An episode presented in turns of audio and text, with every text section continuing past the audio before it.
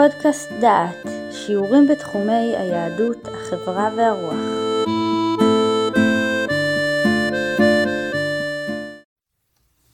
ברוכים הבאים לפודקאסט דעת, לקורס דילמות מוסריות. אנחנו עכשיו בפגישה התשיעית, והנושא שלנו הוא חיי האם או חיי העובר, מי קודם. מדבר אליכם יהודה אייזנברג, המאחל לכם לימוד נעים. העיקרון שאנחנו מדברים עליו נובע מתוך תיאור של המשנה במסכת אוהלות, פרק ז', משנה ו'. האישה שהיא מקשה לילד, סיבוך בלידה, האישה איננה מצליחה ללדת, מחתכים את הוולד במאיה ומוציאים אותו איברים איברים, מפני שחייה קודמים לחייו. יצא רובו, אם הילד כבר בתהליך לידה, הוא כבר יצא, אין נוגעים בו, שאין דוחים נפש מפני נפש. כן, יש פה תיאור מצוי של הסתבכות בלידה, והמצב הוא כזה שאי אפשר להגיע ללידה נורמלית שהילד יצא שלם. אם ישאירו את הדברים, האם תסתבך ומתוך עיבוד דם האם יכולה למות, ברגע שהוולד מסכן את חיי האם, הוולד נמוך בסדר העדיפויות, הורגים את הוולד ומצילים את האם. עכשיו אנחנו נקרא את המשנה הזאת בניסוחו של הרמב"ם, אבל אני רוצה להוסיף כאן עיקרון נוסף, והעיקרון הוא זה.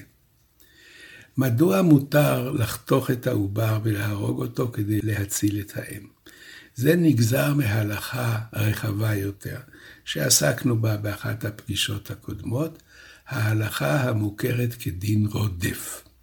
דין רודף אומר שאם אחד רודף אחרי השני כדי להרוג אותו, או אחרי אישה כדי לאנוס אותה, מותר להצילו בנפשו, להציל אותו ממעשה נפשע על ידי שהורגים אותו. מפני שהרודף הוא אדם שמאבד את הזכות לחיות. עכשיו נראה מה קורה עם העובר שלא רוצה, אבל שגורם למות אמו.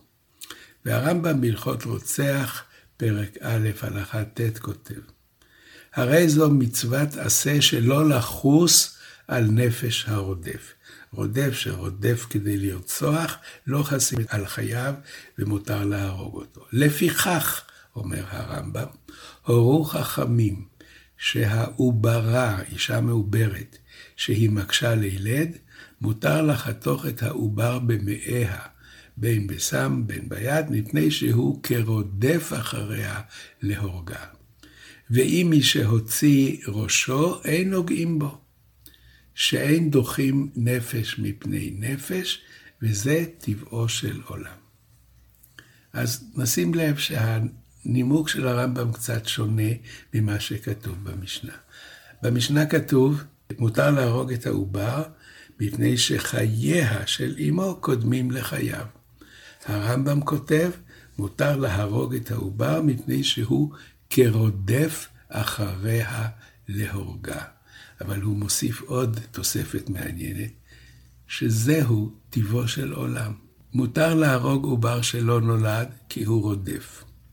אסור להרוג עובר שהוציא ראשו, זאת אומרת שהוא כבר אדם כי הראש יצא החוצה, אסור להרוג אותו משתי סיבות. או מפני שאין דוחים נפש מפני נפש, יש עובר ויש אם, לשניהם זכות לחיות, או כפי שאומר הרמב"ם, זה טבעו של עולם. טבעו של עולם הוא שילדים נולדים, טבעו של עולם הוא שיש סכנה בלידה. בעולם העתיק, כמות המיטות של אימהות בזמן לידה היה מבהיל. לידה היה מאורע טראומטי וסכנה של ממש. אם כן, זה טבעו של עולם, אז אתה לא יכול להגיד, הילד שנולד רודף אחרי אמו. הוא נולד, הוא לא עשה כלום. רבי עקיבא אגר שואל שאלה מעניינת על הרמב"ם. הרמב"ם אומר שהעובר שלא נולד מותר להרוג אותו כי הוא רודף. שואל רבי עקיבא אגר, ואם הוא הוציא את ראשו הוא מפסיק להיות רודף? הרי זו אותה סיטואציה, הוא תקוע בתעלת הלידה. אם הוא לא יוצא החוצה, שטף דם, מצב האם מתדרדר והיא תמות. מדוע זה לא רודף? ועל כן אומר רבי עקיבא אגר, הנימוק הוא שונה. לפני שהוא נולד הוא עוד לא נחשב נפש, הוא אדם ברמה ב', ולכן חיי אמו קודמים. ברגע שהוא נולד, הוא נפש, הוא אדם. יש פה שני אנשים שנאבקים על חייהם. אתה לא יכול להעדיף אחד על פני חברו, ולכן לא הורגים אותו. עכשיו אני רוצה להוסיף את הדין של רודף. העניין הוא כזה, הדין של עובר מופיע בתלמוד אגב נושא אחר. והנושא הוא רודף שמותר להרוג אותו. ויש שם דיון מעניין. כל אדם שרוצים להרוג אותו מבחינה משפטית, חייבים להתרות בו, כי צריך להיות בטוחים שהוא יודע מה שהוא עושה. התראה זה, אל תהרוג כי אתה מתחייב מוות. התראה זה, תדע לך שאתה הולך לעשות מעשה חמור, אנחנו נהרוג אותך. זוהי התראה. ואם הוא אומר, אני אהרוג אותו ויהי מה, הוא קיבל התראה ומותר להרוג את הרודף. דנה הגמרא, כפי שאמרתי, האם צריך או לא צריך התראה כשיש רודף. אומרת הגמרא, לא צריך התראה. מדוע? כי ילד קטן שרודף כדי להרוג, יש לו דין של רודף ומותר להרוג אותו. אני אתן דוגמה. ילד אה, התאמן בירייה, הוא יודע איך יורים, והוא תופס אקדח והוא מכוון אותו, הוא לא יודע שהאקדח טעון, אבל אנחנו יודעים. הוא מכוון אותו ועומד ללחוץ על ההדק. אפשר להתרות בו, הוא לא מבין מה שהוא עושה, אצלו זה משחק. אבל הוא רודף מבחינה עובדתית. עוד שתי דקות הילד הזה ילחץ על ההדק ואדם ימות. ולכן דין רודף חל גם על ילד שאיננו מקבל התראה. ועכשיו אני עובר לדיון בתלמוד הבבלי, ונראה מה נאמר שם. אמר רב הונא, קטן הרודף ניתן להצילו בנפשו. מה זה להצילו בנפשו? אנחנו כבר יודעים, מותר להרוג אותו כדי שהוא לא יהרוג מישהו אחר. מסקנה מזה, רודף אינו צריך התראה. מפני שאם קטן יש לו דין של רודף, קטן איננו בר התראה. אם מותר להרוג קטן כרודף, לא צריך התראה. אז גם גדול שרודף איננו צריך התראה. שואל רב חיסדא את רב הונא, שאמר שקטן לא צריך, יצא ראשו, הוא נותן את הדוגמה שאנחנו עוסקים בה, של העובר. יצא ראשו אין נוגעים בו, לפי שאין דוחים נפש מפני נפש. למה? הרי הוא רודף. רב הונא אמר, קטן הרודף מותר להצילו בנפשו. שואל אותו רב חיסדא, העובר הזה שהוציא את ראשו, הוא גורם למותה של אמו, הוא רודף. אז למה אותו אסור להרוג? מדוע לא נוגעים בו? משיבה הגמרא לשאלה הזאת, מן השמיים רודפים אחרי האם. מה פירוש? הילד הזה לא עושה שום דבר נדיר, מוזר. זה לא ילד שמצא אקדח והוא מתחיל עכשיו לכוון וללחוץ על ההדק. העובר נולד כפי שנולד כל עובר. אם הלידה הסתבכה, זה המצב של הטבעה של האישה. מן השמיים רודפים אחריה, מזלה הביש, החיים הקשים שלה, המצב הרפואי שלה. זה לא הילד. ולכן את הילד הזה אינך יכול להרוג כדי להציל את האם. אני מסכם את מה שעשינו עד עכשיו. מדוע כאשר הילד יצא ראשו, אין נוגעים בו? אז מצאנו שתי סיבות. הסיבה האחת שראינו זה עכשיו בתלמוד.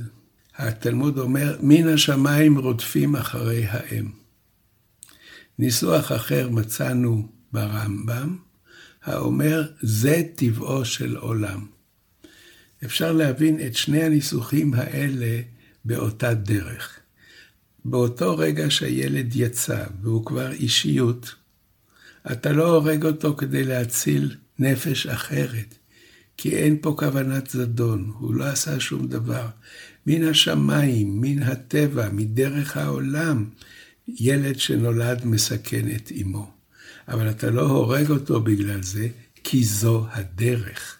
ובעניין זה אין עליו שום אשמה כדי להרוג אותו.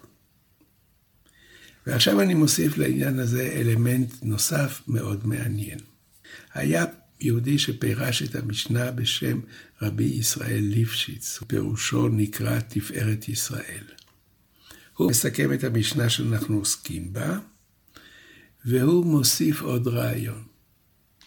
ואני קורא את דבריו בפרפרזה כדי שהדברים יהיו ברורים. הוא כותב ככה, מדוע לא דנים את הוולד שהוציא את ראשו כרודף שניתן להצילו בנפשו? זו השאלה שכל הזמן רודפת אחרינו. הוציא ראשו, אין נוגעים בו. מדוע? עונה רבי ישראל ליפשיץ שלא התכוון הוולד להמית את האם. והוא ממשיך, הוולד הזה לא גרם סכנת חיים לאמו בכוונה, והוא גם לא עשה דבר שלא כדין, שזהו דרך הטבע, אז אי אפשר להגדיר אותו כרודף. הדבר הזה הוא ברור, ואני מסכם אותו, ומיד נוסיף נקודה. אומר רבי ישראל ליפשיץ, רעיון שאנחנו הבנו אותו מדברי הרמב"ם והבנו אותו מדברי הגמרא. ילד שנולד והוא עדיין במצב של תהליך לידה והוא מסכן את חיי האימא, לא עשה שום דבר רע. הוא נולד. הוא נולד, וזה דרכו של עולם, שיש סכנה בשעת לידה. כיוון שהוא לא עשה שום דבר רע, ומכיוון שאין לו שום כוונה רעה, לא הורגים אותו. ואז נשאר המשחק לראות מי מהשניים ינצל. עכשיו הוא מוסיף רעיון מאוד יפה. נראה לי, הוא אומר, שדווקא שאפשר כאשר תמות האם יינצל הוולד, או שאפשר ששניהם ינצלו, במקרה כזה אין הורגים את הוולד שהוציא את ראשו. אבל אם לא נמית את הוולד ימותו שניהם, ייתכן שמותר להמית את הוולד כדי להציל לפחות את אמו. ואנחנו זוכרים את הביטוי, מי אמר שדמך אדום יותר? כשאומרים לאדם להרוג את זולתו, אחרת נהרוג אותך, ההנחיה היא, אין לך רשות להרוג את זולתך. מי אמר שהדם שלך יותר אדום? מי אמר שאתה חשוב יותר? מה פתאום אתה דוחה את חייו של השני בגללך? אומר רבי ישראל במקרה הזה דמה של האם אדום יותר. מה הפירוש? במקרה הזה האם חשובה יותר. אם כן הוא אומר ככה, הבן שהוציא את ראשו איננו רודף, ולכן משאירים את הדברים כאילו שזה קרב בין שווים. אבל אם הסיטואציה היא זו, שבלי התערבות ימותו שניהם, בוודאי שמותר להרוג את הילד, מפני שבמקרה כזה עדיפות לחיי האם מאשר למות שניהם. עדיף להציל אחד מאשר לתת לשניים למות.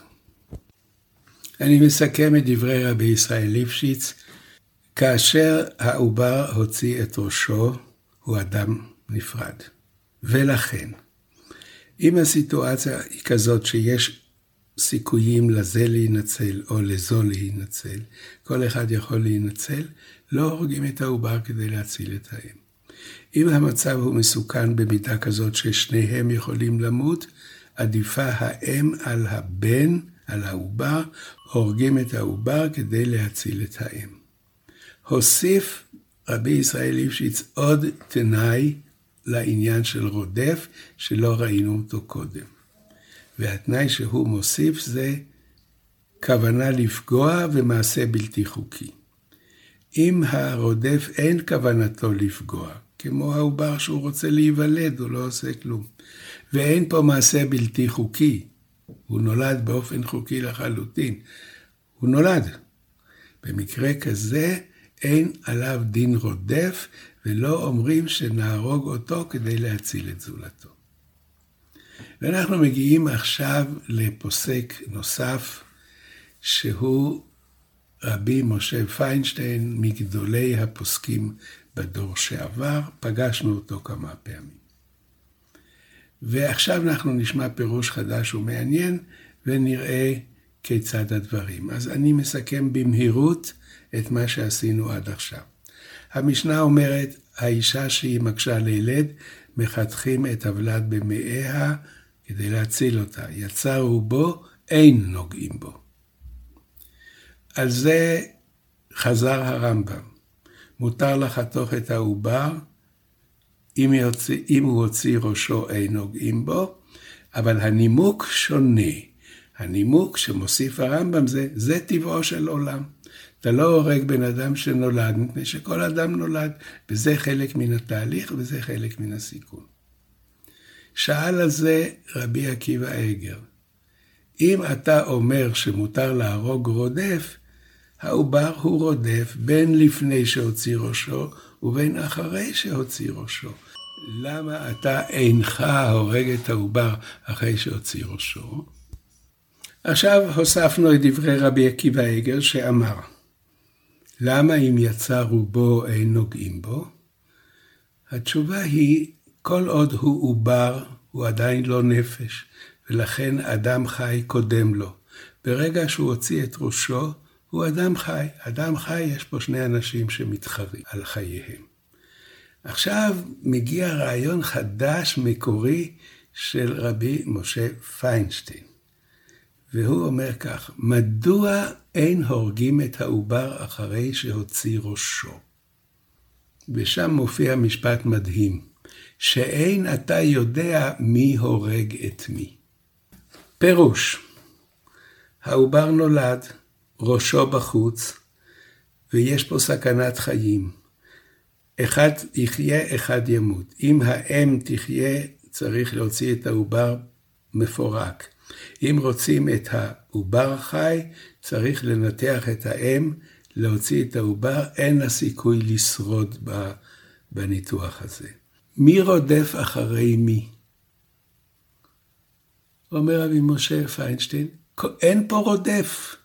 כל אחד רודף אחרי זולתו. כל אחד הוא רודף וכל אחד הוא נרדף. אתה לא יכול להגיד שהעובר רודף אחרי אמו, כי אמו רודפת אחרי העובר. יש לנו פתאום הברקה מאוד מעניינת, מה חשיבות העובדה שהעובר יצא החוצה. ברגע שהוא יצא החוצה, הוא נפש. ברגע שהוא נפש והוא מסכן את אמו, ואימו מסכנת אותו, אף אחד לא רודף אחרי השני, הוא חייב לחיות. ועכשיו אני נותן את הסיכום של הדברים בעקבות מה שעשינו עד כה, כולל דברי רבי משה פיינשטיין. כאשר העובר לא נולד, הוא לא נפש.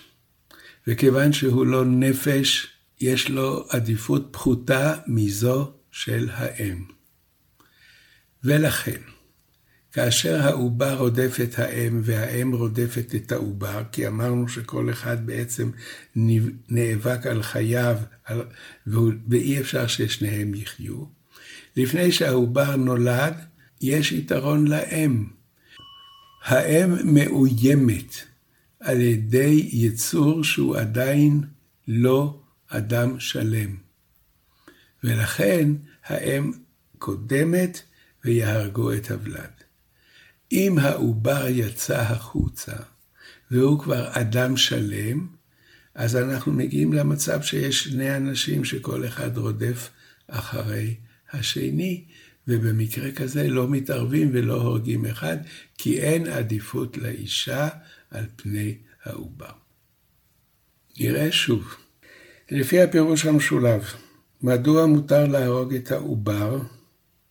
מפני שהעובר איננו אדם מושלם. חיי האישה קודמים, ולכן העובר נחשב רודף. הלאה, מדוע אם יצא רובו אין רשות להרוג את העובר? כי יש פה שני יצורים שלמים הרוצים חיים. אין עדיפות לאחד על השני, והאחד איננו רודף יותר מאשר השני. ולכן נותנים לטבע לעשות את שלו, לא הורגים את העובר. ועכשיו אני מביא נושאים חדשים הנובעים מתוך מה שלמדנו. ראש העובר יצא.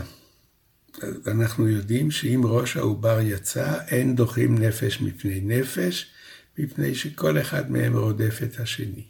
עכשיו אני מוסיף נתונים. כדי להציל את העובר, האם צריכה לעבור ניתוח. כדי לעבור ניתוח, היא צריכה לחתום על טופס הסכמה.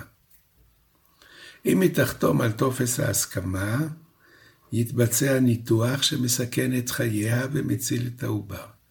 אם היא תסרב לחתום, העובר ימות והיא לא תסכן את חייה.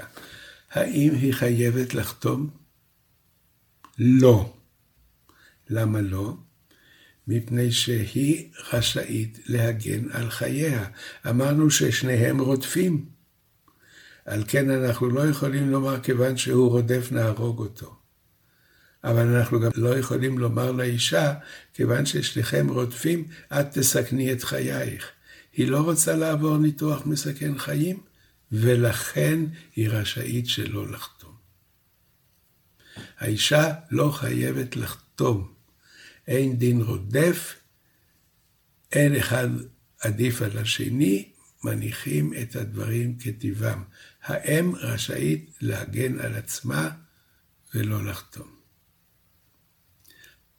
דוגמה נוספת, שני אנשים נאבקים ומבקשים להרוג אחד את השני.